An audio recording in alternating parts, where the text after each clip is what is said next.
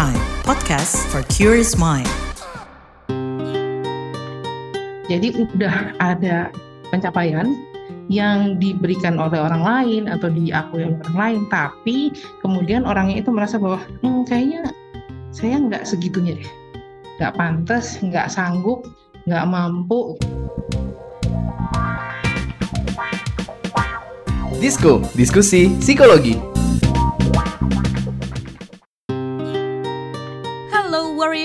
Selamat datang kembali di podcast Disco Diskusi Psikologi Persembahan KBR bersama komunitas Into the Light Indonesia. Hapus stigma, peduli sesama, sayangi jiwa. Ada Mini di sini dan juga ada Don. Cek cek cek Kenapa Don? tes suara.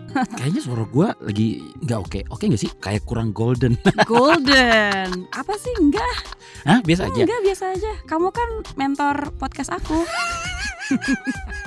Masa iya aku meragukan kualitas suara kamu? Tapi serius loh, kayak kira-kira ini ngerasa kayak kurang gimana gitu. Hasil kerja gua kurang maksimal gitu. Nah yang terakhir nih kayak nggak pede aja gitu sama suara. Hah? Beneran emang di urusan vokal suara atau gimana nih? Is, is there more? Iya sebenarnya kadang apa ya kayak nggak pantas aja gitu dapat satu achievement padahal belum pernah sebenarnya. Tapi gue pernah merasa itu sih. Gue gue gue pernah Iya. merasa. Enggak enggak. Mau dibilang bilang. achievement, gue dapat apa tapi Oh enggak enggak enggak. Gue yakin lo punya achievement. Tapi the, the way that you said bahwa lo Uh-huh. bahkan nggak pernah punya achievement. Jangan-jangan lo bahkan lo segitu ngerasa lo nggak punya achievementnya. oh Wow. gitu. Achievementception gak tuh? eh tapi beneran deh, nggak hati-hati. Uh, iya. Beneran gak sih Don lo nggak pernah punya achievement? Lo punya lah. Punya. Mhm. Secara Don as a person, Iya pernah gak sih lo merasa lo punya maybe imposter syndrome? ada. Oh udah, oke. Iya. Oh, lo, lo sudah mengulik itu. Iya, kayak apa sih? Kayak nggak pantas kadang tuh Iya, satu nggak pantas gitu. You you doubt yourself gitu. Lo Yes. meragukan diri lo sendiri. Betul. Bahkan lo merasa nggak pantas tadi kan dengan Iya. pencapaian yang lo udah punya. Betul. Kalau gue bilang lo keren banget dan lo mentor gue, lo juga nggak ngerasa lo. Nah itu, Wow. nah gitu. Wow. Lebih, gue nganggapnya lebih ke humble sih. Beda ya? Ya beda. ada ada ya tipis kali ya. Tapi Tipis ya. itu juga itu juga Itu itu, sempat jadi pertanyaan gue juga. Ini gue being humble aja Iya, gue atau pengen humble aja tuh karena imposter gitu. Nah itu, coba daripada kita saling haheho dan Iya, iya, berasumsi iya, ya. Iya iya. Biasalah ya di Disco ini kita sudah punya narasumber yang pasti oke banget dan pasti valid ya Iya. informasi dari beliau. Mhm. Kita undang saja kemari ada Kak Veronica Anastasia Melani Kaihatu, SPC, MC yang mungkin lebih akrab disapa sebagai Kak Femi. Mm-mm. Dia juga adalah seorang dosen tetap Fakultas Psikologi Universitas Pembangunan Jaya dan juga Kepala Jaya Soft Skills Development Program atau JSDP. Hai Kak Feby, apa kabar? Halo, baik-baik kabarnya baik. Ya, Kak Feby tadi di awal kita udah debat tuh ya sama Mina. Sebenarnya gue tuh imposter apa humble sih Kak Feby? Loh, langsung nanya loh gue. Minta didiagnosis ya, bayar. tapi tapi eh, biar nggak salah definisi aja dulu ya. Benar, benar. Ah, Kita coba baseline-nya dulu nih. Iya, Imposter syndrome tuh apa? Betul. Apakah sama dengan rasa enggak Ya. pedean? Or just being humble. Or it's the same with being humble? Iya. Nah, boleh tuh Kak, coba kita butuh pencerahan Iya. sepertinya. Oh, Oke, kalau misalnya humble mungkin agak berbeda ya. Jadi kan kalau imposter syndrome itu orangnya, individunya, Mhm. jadi eh, individunya itu eh, nggak yakin atau mereka tuh eh, merasa bahwa kayaknya saya nggak sekeren itu deh untuk dapat eh, penghargaan ini. Kayaknya saya tuh nggak cukup pantas deh Mhm. untuk berada di posisi ini dan seterusnya dan seterusnya. Jadi fokusnya itu lebih ke arah uh, prestasi. Beda kalau misalnya self esteem kan kalau misalnya kepercayaan diri gitu ya secara umum kan kita juga melihat potensi kan ya. Kayaknya saya bisa deh jadi narator atau misalnya saya kayaknya bisa deh jadi aktor gitu-gitu dengan kemampuan ya, atau misalnya saya melihat potensi yang saya punya. Nah, kalau imposter syndrome itu eh, sudah sampai di tahap sebetulnya mencapai sesuatu. Jadi udah ada pencapaian yang diberikan oleh orang lain atau diakui oleh orang lain, tapi kemudian orangnya itu merasa bahwa "Hmm, kayaknya saya nggak segitunya deh, nggak pantas, nggak sanggup, nggak mampu seperti itu. Jadi kalau untuk definisinya sih segitu. Hmm. Jadi konteksnya memang terkait dengan prestasi. Sudah berprestasi, sudah bekerja dengan baik, sudah diakui, baru kemudian orangnya merasa bahwa eh, tidak kompeten. Jadi kalau misalnya untuk definisi gitu, jadi beda dengan kalau misalnya nggak percaya diri kan, ah kayaknya saya kurang kurang bagus deh. Bahkan bahkan untuk mulai aja mungkin udah berhenti gitu kan ya. Kalau imposter syndrome justru enggak, udah kasarnya gini orang lain udah ngeliat dia keren, tapi dia yang kemudian merasa bahwa oh, kayaknya enggak deh, kayaknya nggak bisa deh. Wah jadi manajer, waduh kayaknya saya belum sampai situ gitu. Menarik ya. Menarik. Jadi udah ada Mhm. duluan prestasinya, kemudian Iya. mendapatkan appraisal atau pujian atau uh, apa recognition Mm-mm. dari orang lain, tapi malah merasa enggak, ah, gua nggak Nggak pantas, gitu, iya. nggak pantas gitu. itu berarti sih nggak pede. Si itu imposter. Oh imposter. Oke Uh-uh. oke oke. Kalau misalnya eh, nggak pede kan belum mulai kan ya. Kalau misalnya, ayo kamu kayaknya bisa deh pacaran sama dia. Aduh enggak lah, Ah. siapalah saya. Nah, itu kan belum kan. Justru belum Belum mulai kejadian. itu nggak pede. Ya. Kalau imposter udah dimulai tapi Hmm. dia Udah salah, udah bahkan mungkin sudah sukses, sudah berhasil. oke, oke. Orang-orang merasa bahwa dia udah udah oke nih, Hmm. udah diangkat, udah dapat penghargaan, udah udah macam-macam. Tapi kemudian dia merasa bahwa kayaknya saya tuh nggak kompeten. Bukan yang nggak pantas ya. Ah. Kan kalau misalnya gini, Ya, ya, ya, siapalah saya debu rengginang gitu kan beda ya. Hmm. Eh, itu kan Oh, maksudnya merasa bahwa oh, saya tuh eh, bekerja mengerjakan ini karena ada teman, ada tim segala macam. Beda Ah. dengan imposter yang enggak loh, saya tuh nggak sekeren itu. Ya, ya, ya. Saya nggak mampu. Oke. Ini orang-orang salah deh kayaknya. Gitu. Berarti kalau ada tiga tuh tadi Kak Femi humble, Aha. tuh bedanya apa lagi? Kalau humble kan kita merasa bukan rendah diri tapi eh, rendah hati kan ya. Mhm. Eh, Iya sih. saya itu eh, bukan siapa-siapa karena pencapaian ini punya tim. Hmm. Jadi misalnya kalau yang religius kan eh, semua ini karena berkat dari Tuhan gitu kan ya. Mhm. Kalau misalnya eh, di Oscar gitu ya Mhm. kan ini karena orang tua, Iya, karena iya. direct apa karena ya kan sutradara dan Fans sebagainya. saya saya tidak ada Kan. tanpa kalian gitu ya. Betul. Oke. Tapi itu kan rendah hati dalam arti yang gini, kita sadar bahwa pencapaian ini bukan punya saya sendiri. Milik bersama. Eh, Hmm. Ini milik bersama. Kalau Saya nggak bakalan sesukses ini kalau Hmm. orang lain nggak support. kalau Nah kalau ini enggak, dia itu- udah, eh, eh, dia merasa bahwa Iya, iya, Nggak, nggak, iya, nggak. saya nih, Oke. saya nih nggak gitu. Saya tuh jelek, actingnya saya tuh jelek. Saya tuh eh, leadershipnya buruk loh. Hmm. Jadi manajer Mhm. ini kayak salah deh gitu. Kalau dalam konteks relation gitu misalnya ya sosial kayak tadi, wah Don, lu tuh mentor gue loh. Mhm, mhm. Itu sebuah nggak tahu nggak tahu prestasi atau enggak ya, tapi kan relation ya. itu terus Don merasa enggak enggak enggak gue Hmm. gue nggak pantas lo sebut sebagai Mentor ya gitu, mentor. Gue udah Wah, imposter atau belum itu Kak Fem? Heeh, itu lebih imposter atau jadi nggak percaya diri? Kita jadi nge-breakdown case by case Iya. gini ya. Kalau imposter itu mesti diakuin sama orang lain dulu kan ya. Jadi orang lain Ah. udah oke nih, kayak tadi misalnya kan jadi kamu tuh mentor loh, mentor, Aha, nggak salah. Hmm. Selama ini saya ngomongnya sembarangan loh, aha. Jangan denger gitu. Hmm. Jadi itu tuh, kalau misalnya kemudian muncul, oh enggak, enggak, enggak, enggak, saya nggak mau, enggak pantas loh, bukan itu loh, bukan itu, eh, penghargaan itu enggak pantas buat saya. Padahal orang-orang udah merasa bahwa emang bener kok, emang selama ini ngebantu, emang selama ini tuh udah mencetak banyak anak didik gitu ya kasarnya. Maka yang itu yang imposter syndrome, merasa bahwa nggak kompeten. Selama eh, ada perasaan tidak kompeten, Yes. bahkan sudah ada mungkin piala, Iya. ujian, Aha. apa pun lah ya yang bentuknya tuh tangible gitu. Tetep aja eh, tetep nggak aja kompeten. enggak gitu. Berarti kita om imposter tuh. Nah, bahayanya apa nih Kak? Iya. Dari imposter syndrome ini, apakah bisa sebegitu berdampak negatifnya sama keseharian kita? Yes. Atau tuh hanya malah justru mungkin membantu kita menjadi orang yang lebih humble walaupun dia bukan hal yang sama. Tapi jangan-jangan Heeh, dengan imposter sebetulnya sih being humble Iya. juga gitu. Berbalik di balik kata humble itu ternyata dia imposter gitu ya. Ah, ah. I- Iya. Nah, beda kan kalau tadi humble itu kan merasa bahwa ini kerja tim. Saya bagian dari situ. Hmm. Kalau imposter enggak, enggak, enggak. Saya tuh enggak pantas. Kayak gimana ya? Kalau misalnya enggak pantas itu kan berarti kan mestinya saya enggak dapetin ini mestinya orang lain. Jadi bukan saya. Kalau misalnya saya diterusin nih, ntar hancur. Nah, kasarnya gitu. Pemikiran di belakangnya itu itu. Ntar kalau misalnya tetap saya, ntar hancur nih, gitu. Karena orangnya sebetulnya tidak percaya diri dengan kemampuan. Jadi kalau misalnya eh, jadi ditanya tadi ya, emang negatifnya apa sih dari imposter syndrome? Individunya itu sebetulnya eh, tidak percaya dengan efik, eh, self efficacy. Jadi kemampuan. Jadi bukan nggak percaya diri, tapi dia nggak yakin bahwa saya mampu bikin A, bikin B, bikin C, karena latar belakang berpikirnya adalah ada situasi perfect yang dia inginkan. Jadi misalnya gini, Hmm. manajer itu menurut saya itu mesti A, B, C, D, E, F, G, H, I, J gitu kan ya. Mhm. Yang perfect tuh kayak gitu. Saya itu nggak nyampe situ. Kalau nggak sampai J nanti berantakan, nanti ya gitu. Nanti gini, nanti gitu, nanti apa? Kalau ada tugas kayak gini nggak bisa, bla bla bla bla bla bla bla bla. Jadi berpikirnya mungkin bisa nyambung dengan berpikir berlebihan, Iya, Gitu ya, overthinking ya jadinya. ingin iya ingin perfect, lalu kemudian berpikir overthinking tadi.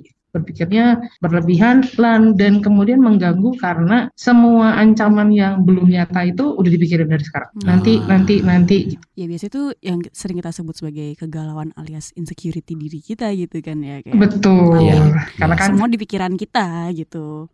ya Hmm. belum tentu kejadian gitu ya. Ancamannya belum ada. Ketika ancaman itu terjadi juga mungkin bisa ditanggulangi. Tapi karena merasa bahwa enggak nggak bisa. Karena saya itu baru ABC, EFG-nya nggak punya, DEF-nya nggak punya. Wah, pasti nanti berantakan dan seterusnya dan seterusnya. Maka saya itu nggak pantas untuk jadi A, untuk jadi B. Diklaim sebagai sukses, mendapatkan penghargaan ini, saya nggak pantas. Itu kayak udah menjudge diri sendiri duluan gitu gak sih? Iya, betul. Iya, iya, iya, bener, bener, bener, bener. Tapi relate ya. Iya, relate. Tapi Kak Feby pasti nggak kelihatan dari penampilan dong ya si imposter ini gitu kan. Karena ya tadi kan misalnya kita udah bisa bilang eh keren banget sih Iya, ya Allah ha-ha. Don gitu Ha-ha. kan. Jadi kita kelihat ya pede-pede aja gitu di depan orang gitu. Kayak ngobrol gini pede-pede aja gitu. Padahal di dalamnya itu takut gitu. Kita nggak bisa dong ngelihat ini dari penampilan aja gitu. Jangan kan gitu, orangnya pun kadang-kadang nggak tahu. Oh. Jadi kalau misalnya berdasarkan penelitian yang ada gitu ya, Mhm. eh, 70% individu itu biasanya pernah merasa ini, merasakan imposter syndrome itu sekali. Misalnya gini, tiba-tiba nih oke. lagi sekolah gitu, terus kelas biasanya juara eh, 5, 6, 7 gitu, tiba-tiba juara satu, hah juara satu, masa? Nah itu tuh, Hmm. kayaknya gambarnya jelek. Hmm. kayaknya nilai saya jelek, masa sih juara satu gitu, atau misalnya IPK tiba-tiba lagi kuliah gitu ya, IP tiba-tiba 4,0, ah salah pasti, nggak mungkin, nggak mungkin. Kayaknya nih Tapi anak nggak lain mungkin yang dikasih Iya. 4,0 Iya, bukan betul. saya harusnya gitu ya. ya, ya, ya. Tapi ini nggak mungkin yang ya jujur gitu ya, ya. maksudnya bukan yang kayak eh, sebetulnya tahu nih bahwa nilainya A semua, tapi kemudian ah enggak lah, apalah saya enggak, bukan gitu. Emang beneran dari dari dari dalam diri dia yakin bahwa ini pasti salah, Hmm. pasti bukan ini pasti nyebutnya salah nih. Ini mungkin Dewi Sri yang lain kali nih, atau ini Budi yang lain nih, bukan saya. Oke oke. Dan tadi Kak Femi juga bilang mostly most of the times kita nggak sadar gitu kan ya. Dan pasti pernah Dan ngerasain. malahan Pernah, pasti betul. pernah. Kalau gitu berarti apakah ada yang bisa kita waspadai dari sindrom imposter Iya. ini Mm. gitu? Kalau misalnya untuk diri sendiri ya, mungkin kalau orang lain kan nggak bisa ngelihat. Tapi kalau misalnya eh, seseorang merasa bahwa kayaknya saya nggak cocok deh di sini, itu udah udah mulai mesti mesti hati-hati. Kenapa nggak cocok? Kayaknya saya nggak cocok jadi di posisi ini. Kayaknya saya nggak cocok bekerja di bidang ini. Padahal nggak ada nggak ada SP gitu ya, nggak ada teguran, nggak ada komplain, mulus-mulus aja tapi merasa bahwa dia nggak cocok di lingkungan itu. Itu yang pertama. Terus kemudian eh, merasa bahwa saya nggak bisa fokus. Jadi misalnya kalau misalnya saya kerja gitu ya, saya bawaannya itu sepertinya bidang A lebih menyenangkan, sepertinya bidang B lebih menyenangkan gitu. Sepertinya saya bisa lebih berhasil di bidang lain. Karena yang tadi kan ya, berasa bahwa saya mesti perfect nih Mhm. perfect itu ada ukuran tertentu dan dia merasa bahwa di sini saya nggak bisa perfect. Jadi kalau selalu merasa bahwa ada yang salah, ada yang kurang, ada aja. Padahal orang-orang udah puas, udah baik-baik saja. Nah itu mulai jadi tanda-tanda tuh. Jangan-jangan saya ada masalah dengan imposter syndrome. Ini topik menarik dan mirip-mirip ya tadi humble em, nggak pede. nggak pede, eh, Ya. overthinking, Yes, perfeksionis dan ya. semuanya. Tapi kita lanjutkan setelah break yang satu ini. Disko, diskusi psikologi. Oke Google, cariin apa yang lagi trending sekarang dong. Yang lagi viral, yang lagi hits. Aduh kamu ini tahunya cuma nyur doang. Lah, dia nolak. Aku bilangin Siri nih. Ya sudah-sudah jangan ngambek dong. Kamu cukup buka KBR Prime titik ide, lalu cari What's Trending. Semua dibahas tuntas dengan narasumber yang kredibel, jadi bisa buat referensi kamu. Wah iya nih, keren banget ya. Setiap hari lagi. Betul, dari Senin sampai Jumat. Jangan lupa hanya di KBR Prime titik ide atau di aplikasi podcast lainnya. Makasih ya Mbah Google. Hei kamu ini, saya masih gadis, kenapa dipanggil mbah? KBR Prime, podcast for curious mind. Come on yo Buat yang sukanya berhoax You better listen to this one Check this one out yo. Hati-hati kalau baca kabar. Hoax, Jangan langsung disebar kabar yang hoax, Kalau mau tahu kabar benar atau hoax, Dengerin cek fakta yang pasti bukan hoax, Dengerinnya setiap Senin yang jelas bukan hoax. Cuma ada di kbrprime.id. Dan aplikasi podcast lainnya. Hoax, Sudah cukup-cukup hoaxnya? hoax, Cukup. Jaga emosi, tahan jari, verifikasi sebelum dibagi. Saya Aribo Sasmito, Ketua Komite Pemeriksa Fakta Mafindo. KBR Prime, podcast for curious mind. Disko, diskusi psikologi. We're back, kita lanjutin lagi nih obrolan seputar imposter syndrome dan masih bersama Kak Femi di sana. Yes, Kak Femi. Mhm. Em, Tadi kita sempat ngobrol sedikit tentang eh, seorang yang dengan imposter syndrome itu merasa dia kurang dengan pekerjaannya, nggak kompeten dan seterusnya gitu ya. Nah, pertanyaannya orang yang memiliki imposter syndrome itu tuh masih punya motivasi untuk terus bekerja bahkan sampai jadinya overwork gitu nggak sih kak? Mhm. Itu bagus atau justru enggak ternyata? Dan pertanyaan kedua jadi Hmm. kayak gitu, Hmm. heeh, apakah itu malah Oke. hal yang bagus atau malah jadi bukan hal yang Ya. bagus gitu? Kalau imposter syndrome jelas nggak bagus. Hmm. nggak bagus. Kenapa kan gini, segala sesuatu yang berlebihan itu kan jelek ya. Jadi kalau kita perfeksionis itu pasti buruk buat diri sendiri, buat orang lain. Karena kemudian kita menuntut eh, standar tertentu di orang lain dan juga standar tertentu di kita yang mungkin sebetulnya tidak diperlukan. Kadang-kadang orang berpikir bahwa bagus dong kalau perfeksionis kan berarti dia ingin cari yang terbaik dan lain sebagainya. Tapi dalam konteks bekerja, dalam konteks berprestasi, kita punya batasan sebetulnya. Dan juga kan hidup kita nggak cuman bekerja gitu ya, bekerja atau belajar. Kita mesti imbang bukan ya. Kita mesti kalau sekarang kan tema yang umum kadang-kadang work life balance misalnya gitu. Jadi bekerja atau belajar harus juga imbang dengan kehidupan sosial, kehidupan pribadi dan lain sebagainya. Kalau kemudian kita masuk di imposter syndrome, maka eh, orangnya itu individunya akan terus-terusan bekerja gitu ya. Lalu kemudian segala sesuatu yang bisa membuat dia lebih berkembang justru diabaikan. Karena fokusnya justru hanya ke eh, tugas atau pekerjaan itu aja. Sementara eh, perkembangan individu nggak cuma di situ. Hmm. Dia mesti berkembang secara sosial, dia mesti berkembang secara pribadi. Kalau misalnya gini, hanya bekerja, terus misalnya hobi, minat, kesehatan mental, hubungan dengan orang lain, dan lain sebagainya, kan jadi dikorbankan. Jadi itu yang kemudian bahayanya dari si imposter syndrome. Oke. Apa sih yang menyebabkan imposter syndrome ini? Betul. Nah, biasanya ini muncul karena si individu itu berada di lingkungan yang terus-terusan kompetitif. Jadi di rumah disuruh kamu mesti jadi bagus, kamu mesti Oke. jadi ini, jadi itu segala macam eh, kompetitif, Eh, didorong untuk berkompetisi, eh, didorong untuk berprestasi terus-terusan. Jadi di sekolah mesti nilainya bagus, terus nanti kalau main bola juga mesti menang. Terus nanti kalau misalnya deng acara keluarga mesti jadi contoh untuk adik-adik, sepupu dan lain sebagainya. Jadi kan pressure-nya besar ya. Pressure sih. Uh, uh, pressure-nya besar dan konsisten terus-terusan. Terus harus jadi atlet gitu misalnya ya kali gitu Iya. kan. Terus-terusan jadi ya kerja ya pokoknya semua mesti bagus. Oke, berarti ah, yang menyebabkan mungkin salah satu ya kali Kak Feby ya yang salah satu pun menyebabkan adalah Betul. kita kita terlalu sering ada di di lingkungan yang kompetitif. Ah, ya, lingkungan yang ya? kompetitif Hmm. atau yang menekan. Oke. Oke oke dan kalau gitu Kak gimana nih caranya untuk bisa mengelola dan menghadapi imposter syndrome ini? Ah, mungkin ada tips yang simple yang gimana caranya Ya. kita bisa ya itu sih Kak tips simple untuk bisa mengusir rasa-rasa Ya, ya. I don't deserve this Ya. gitu. Tanpa sengaja tadi karena tadi kita membahas tentang mentor, sebetulnya salah satu cara untuk menghilangkan imposter syndrome itu adalah punya mentor. Maksudnya punya mentor tuh gini, kita punya orang Role yang kita model anggap gitu Kak Femi, segitu sorry. oke. Kenapa? Role model gitu atau figur yang Role harus kita boleh. contoh Tapi gitu. kita tahu bahwa or- ada orang yang segitu tuh.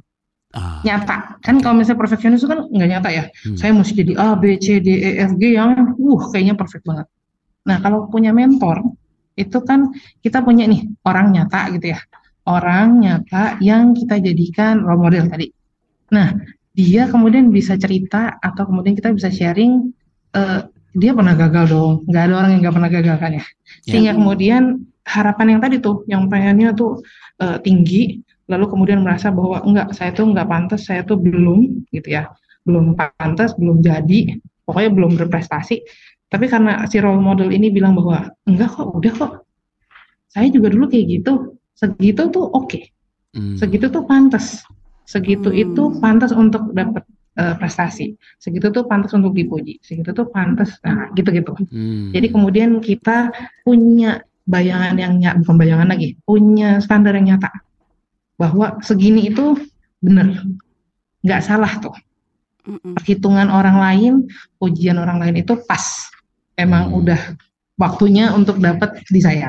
Oke. Karena yang tadi si mentor itu bilang bahwa benar kok begitu. Tapi emang beneran mesti jadi mentor ya, maksudnya jadi jangan yang kemudian orang yang nggak dianggap siapa gitu, tiba-tiba dia ngomong kamu udah bagus kok, nggak akan dianggap. Hmm. Tapi kalau misalnya ketemu, saya memilih bahwa mentor saya itu si A atau si B, si C, itu akan jadi salah satu cara untuk mengatasi si imposter syndrome itu. Hmm. Tuh Don. Yang kedua, eh, mungkin standar ya, tapi berharap atau siap untuk membuat kesalahan. Kita pasti akan salah.